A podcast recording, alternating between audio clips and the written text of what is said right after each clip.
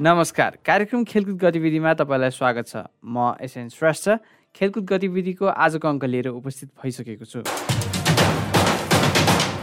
कार्यक्रम खेलकुद गतिविधिमा हामीले विभिन्न खेलकुदका व्यक्तित्वहरूसँग समसामयिक विषयमा छलफल गर्नुको साथै नेपालमा बसेर खेलकुदमा योगदान पुर्याउँदै आइरहेका अग्रज तथा नयाँ खेलाडीको यात्रा पनि प्रस्तुत गर्नेछौँ।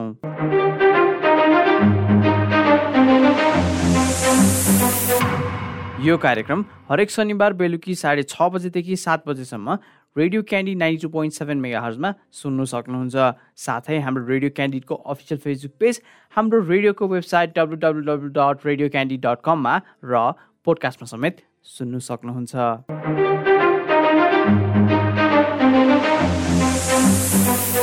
हरेक शनिबार नयाँ खेल र खेलाडीलाई प्रोत्साहन गर्ने हाम्रो यो यात्रामा गत हप्ता हामी स्क्वास खेलको निकट पुग्यौँ।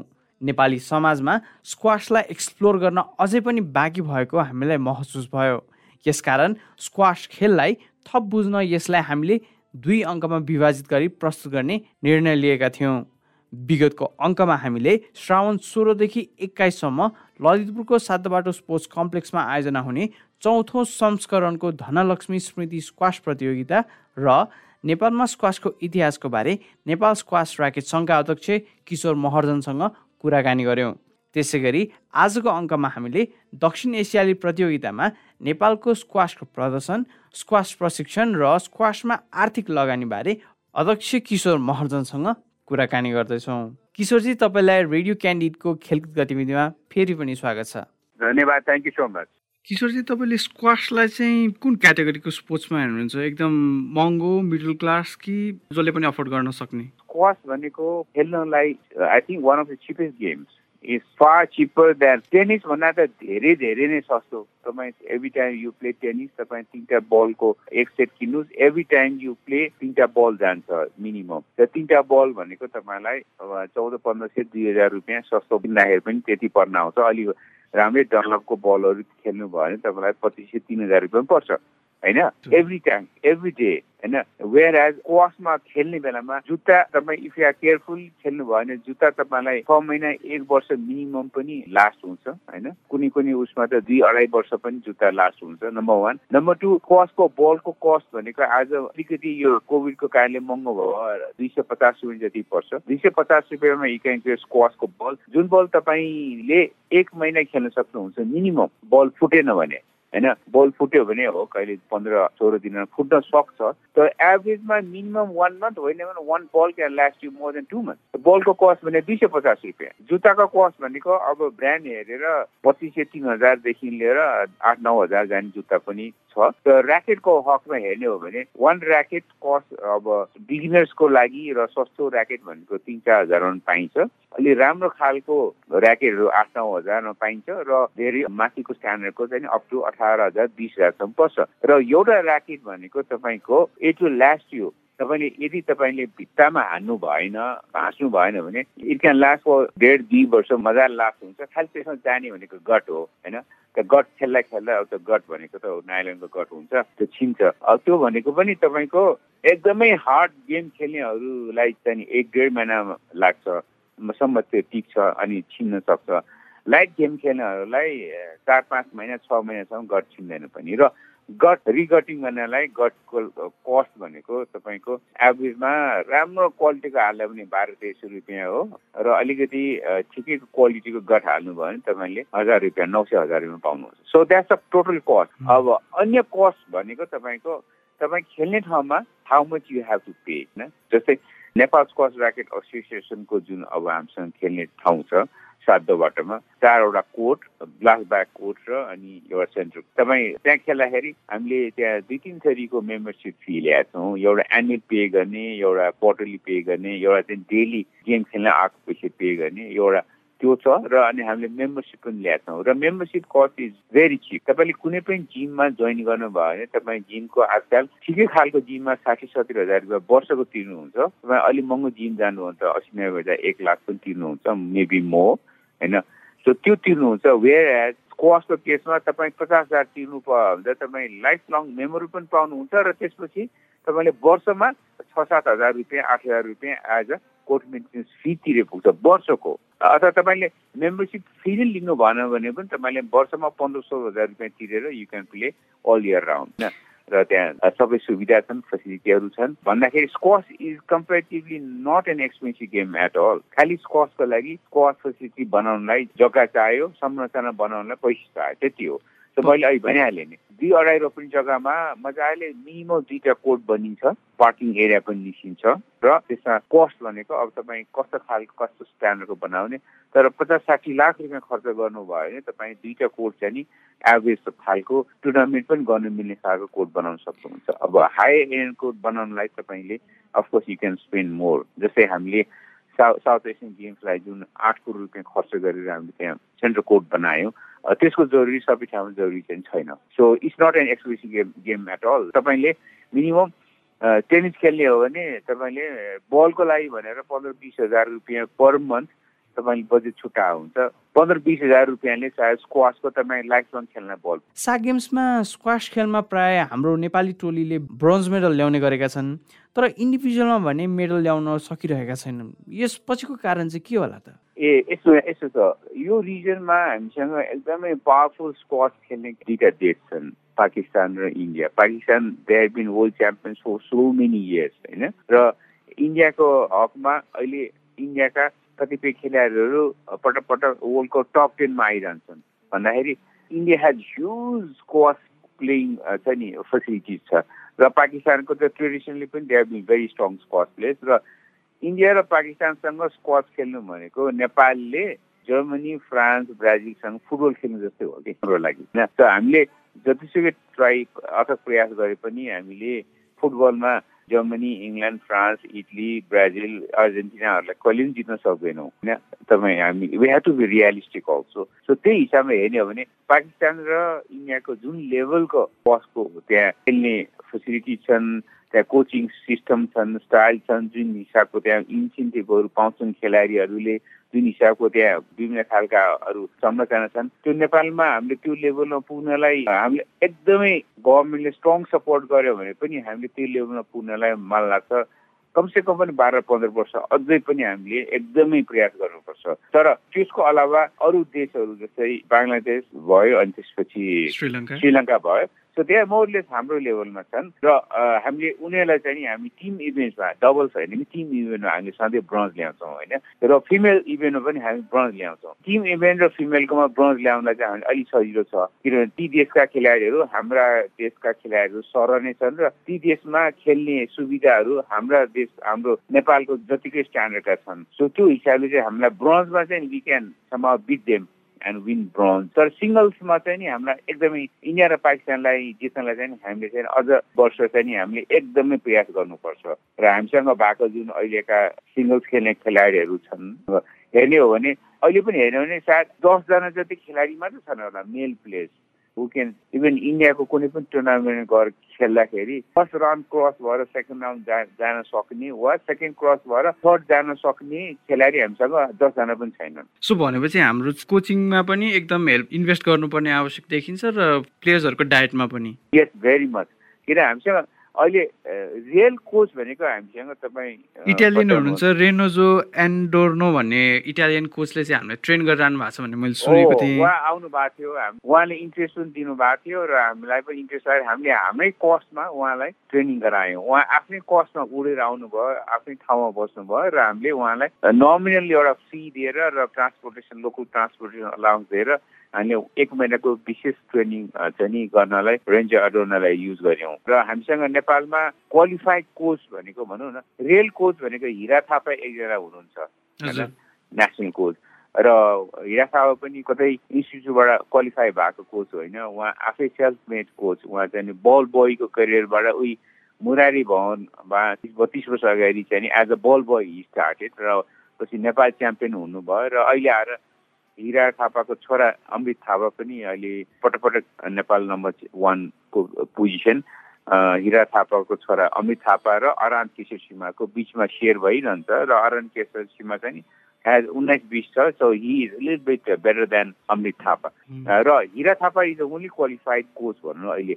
क्वालिफाई भन्दाखेरि कुनै इन्स्टिट्युसनबाट क्वालिफाई होइन तर आफै खेलेर सिकेर आफै इन्ट्रेस्टमा क्वालिफाई भएको र he is the only coach we have in Nepal right now त हामीले अहिले चाहिँ नि हामीलाई कमसेकम पनि पाँच छजना सातजना राम्रो खालको कोचको जरुरी छ। र त्यो कोचको हामीले जस्तै इन्डियामा कोचको त्यहाँ इन्स्टिच्युटहरू छन् पढ्न पाइने। त्यहाँ पढ्नलाई अब फन्डिङ चाहियो फन्डिङको लागि कस्तो छ भने हामीसँग त्यो स्केलको हामीसँग लाज भनौँ जस्तै फुटबलमा हामीसँग फुटबल खेलेर रिटायर भएका खेलाडीहरू जो फुटबलमा डेडिकेट हुन चाहन्छन् हामीसँग त्यो सयौँ सङ्ख्यामा छन् होला भलिबलको पनि सयौँ सङ्ख्यामा होला अरू विभिन्न विधाका गेमहरूमा सयौँ सङ्ख्यामा हुन्छन्। किन त्यो देशैभरि विभिन्न यी स्पोर्ट्सहरूमा वर्षौँदेखि खेलेर टिमहरू चाहिँ रिटायर भएर अनि भएकाहरू थुप्रै हुन्छन्। तर स्क्वासको हकमा त्यो हामीले त्यो पुल त हाम्रो क्रिएट भएको छैन। किनभने नाइन्टिन एटिजमा यो स्क्वास खेलियो सुरुवात भयो। नाइन्टिन नाइन्टी नाइन र सबैले सोखको हिसाबमा खेलियो कि।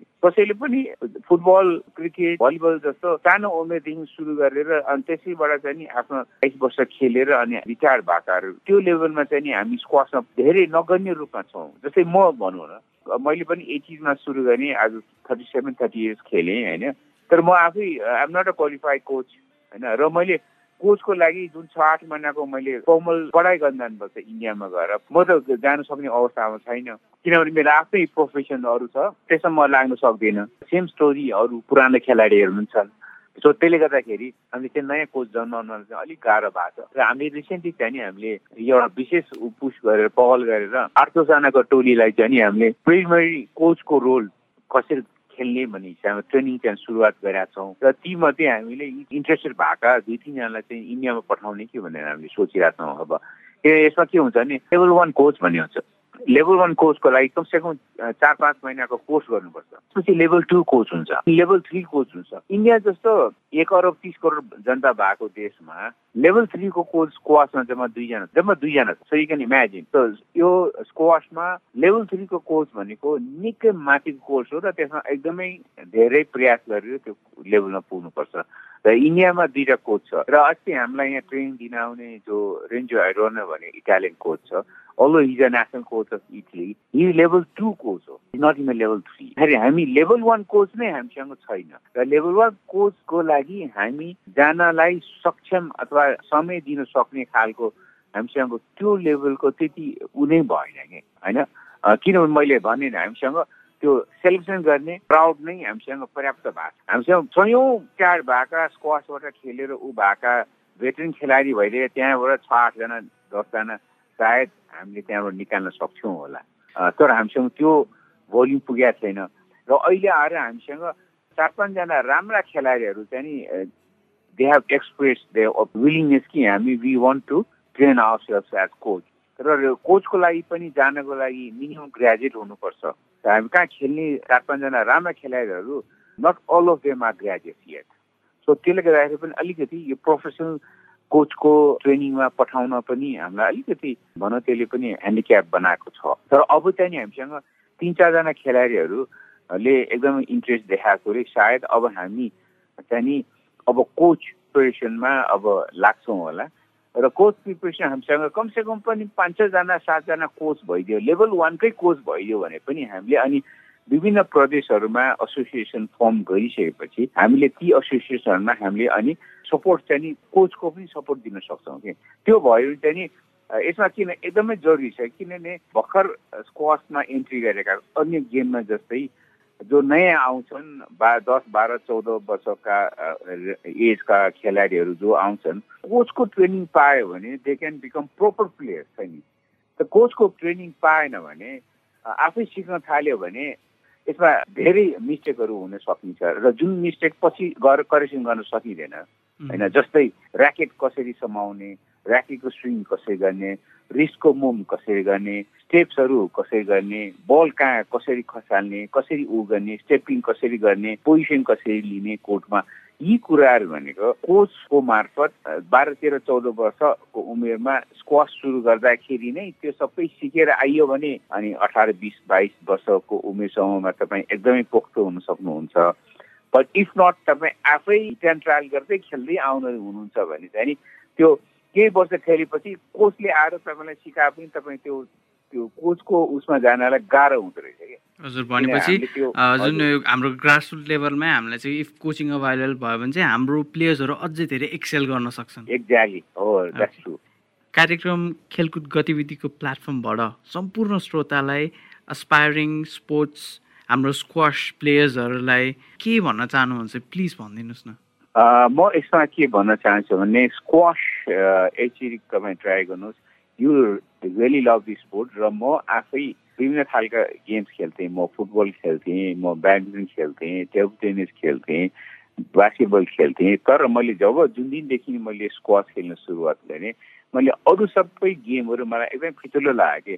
इभन टेनिस पनि फितुलो लाग्यो मलाई ब्याडमिन्टन फितुलो लाग्यो। किनभने जुन हिसाबको इन्टेन्सिटी र आफ्नो बडीलाई चाहिँ नि एकदमै एक्सट्रिम लेभलसम्म पुस गर्न सक्ने एउटा अपर्च्युनिटी स्क्वास गेमले दिन्छ अरू गेम दिन सक्दैन नम्बर वान र नम्बर टू स्क्वास भन्ने गेम तपाईँ इट्स अल वेदर गेम तपाईँ बिहान पाँचै बजे उठेर पनि खेल्न सक्नुहुन्छ राति आठै बजे पनि तपाईँ अफिसबाट फर्केर वा आफ्नो काम सकाएर आठै बजे पनि कोर्टमा गएर खेल्न सक्नुहुन्छ। तपाईँ एकदमै सय मिलिमिटर बर्सात भइरहेको छ बाहिर तपाईँ भित्र कोर्टमा गेम खेल्न सक्नुहुन्छ। बाहिर तपाईँ चालिस डिग्रीको हिट छ त तपाईँ कोर्टभित्र तपाईँ गेम खेल्न सक्नुहुन्छ भन्दाखेरि this is always the game र यसले एकदम यसले फिजिकली एकदमै यसले आफ्नो इन्जुरेन्स बढाउनमा ठुलै यसले उ गर्छ। र नेपालीको हकमा मैले अहिले पनि भने कि यो त्यो चाहिँ नि अन्य गेममा चाहिँ टिम टिम गेम पनि होइन इन्डिभिजुअल खेल्ने हो। र यसमा अरू गेममा जस्तो एकदमै स्ट्रेन्थ चाहिने एकदम हाइट चाहिने एकदमै हाई स्पिड चाहिने होइन? एकदमै एघार बाह्र सेकेन्डमा हन्ड्रेड मिटर ड्यास गर्नुपर्ने त्यो रिक्वायरमेन्ट स्पिड जस्तो फुटबल फुटबलमा हुन्छ नि होइन? एटलिस्ट टुवेल्भ सेकेन्डमा हन्ड्रेड मिटर ड्यास गर्ने त्यो स्पिडको चाहिने लामो कट अग्लो कट हुनुपर्ने अलिक स्ट्रेन्थ हुनुपर्ने अरू गेम भन्दा यो चाहिँ नि त्यसमा नेपालीको लागि आइडियल मोस्ट आइडियल केटीहरूको लागि फाइभ टू फाइभ थ्री र केटाहरूको लागि five six five seven five eight height भयो भने एक्सट्रिम स्ट्रेन्थ हुन नचाहिने कारणले गर्दाखेरि यसमा सानो उमेरदेखि यसमा एन्ट्री हुन सक्यो भने तपाईँ अठार बिस वर्षको उमेरसम्ममा you can be a fantastic good squash player र यसमा चाहिँ नि देशको लागि इन्टरनेसनल टुर्नामेन्टमा मेडल ल्याउन सक्ने यसमा धेरै बलियो सम्भावना छ र जति पनि यसमा स्क्वासका कतिपय रिजनल टुर्नामेन्टहरू भइरहेछन् ती टुर्नामेन्टहरूमा भाग लिएर नेपालको लागि मेडल जित्ने चाहिँ नि यसमा स्ट्रङ्गेस्ट पोसिबिलिटी छ। त्यसैले र यसमा अर्को कस्ट फ्याक्टर कस्ट धेरै लाग्दैन। अहिले मैले भनिहालेँ। यसमा मिनिमम कस्ट छ। वार्षिक कस्ट तपाईँको कोर्टको फी भनेको उही पन्ध्र सोह्र हजार रुपियाँसम्म हो। र जहाँसम्म आफ्नो ऱ्याकेटको कस्ट एकचोटि भाँचेन भने कहिलेकाहीँ वर्षभरिमा मेबी चार पाँच हजार रुपियाँको गट फेर्नु पर्ला। तिन चारचोटि गट छिन्यो भने। बल भनेको मैले भनिहालेँ तपाईँ एक महिनाको टेनिस बलको बजेटले तपाईँ वर्ष लाइफ लङ तपाईँ टेनिस स्क्वासको बल खेल्न किन्नलाई तपाईँसँग बजेट पुग्छ। किन एउटा बलको कस्ट दुई सय पचास रुपियाँ हो which you last minimum one month is not three four month होइन? भन्दाखेरि सो एक्सट्रिमली चिप खेल्नलाई पनि। सो यही कारणले गर्दाखेरि चाहिँ नि I would like to request यहाँ जति पनि श्रोताहरू अहिले हुनुहुन्छ अहिले रेडियो सुनिरहनु भएको थियो यो station I request all of you to give a try आउनुहोस् सातो बाटोमा हामीसँग चारवटा फ्यान्टास्टिक ग्लास ब्याग र एउटा ठुलो सेन्टर कोर्ट इन्टरनेसनल स्ट्यान्डर्डको सेन्टर कोर्ट छ। आउनुहोस् हेर्नुहोस्। You really love it it's really really good game thank you so much हजुर किशोरजी आफ्नो व्यस्त समयमा पनि हाम्रो कार्यक्रम खेलकुद गतिविधिको लागि समय निकालेर बोलिदिनु भयो त्यसको लागि धन्यवाद र आगामी दिनको लागि शुभकामना। यहाँलाई पनि मलाई अपर्च्युनिटी दिनुभयो। स्क्वासको विषयमा केही बोल्नलाई। यहाँलाई पनि यहाँको एफएम स्टेसनलाई चाहिँ म धेरै धेरै धन्यवाद दिन चाहन्छु र म भविष्यमा चाहिँ नि यो विषयमा अरू पनि अझ पनि मौका दिनुभयो भने अझ म फेरि पनि यसमा थप कुराहरू भन्न चाहिँ मलाई उत्सुकता छ। सो यहाँलाई धेरै धेरै धन्यवाद छ। हजुर पक्कै पनि। फेरि पनि हामी यो विषयमा कुरा गर्नेछौँ। Thank you for time thank you so much thank you आजको कार्यक्रम खेलकुद गतिविधिमा हामीले दक्षिण एसियाली प्रतियोगितामा नेपालको स्क्वासको प्रदर्शन स्क्वास प्रशिक्षण र स्क्वासमा आर्थिक लगानीबारे अध्यक्ष किशोर महर्जनसँग कुराकानी प्रस्तुत गऱ्यौँ। कार्यक्रमबारे तपाईँलाई कुनै सुझाव सल्लाह वा कुनै जानकारी भए फेसबुक पेज अथवा Radio Candy ninety two point seven at the rate Gmail dot कममा इमेल गर्नुहोला। उपयुक्त सुझावलाई हामी पक्कै ग्रहण गर्नेछौँ। कार्यक्रम सुनिदिनु भयो तपाईँलाई धन्यवाद। हवस् त अर्को शनिबार फेरि भेटौँला। प्राविधिक मित्र गणेश श्रेष्ठ र म एसएन श्रेष्ठ। बिदा हुन्छौँ। नमस्कार।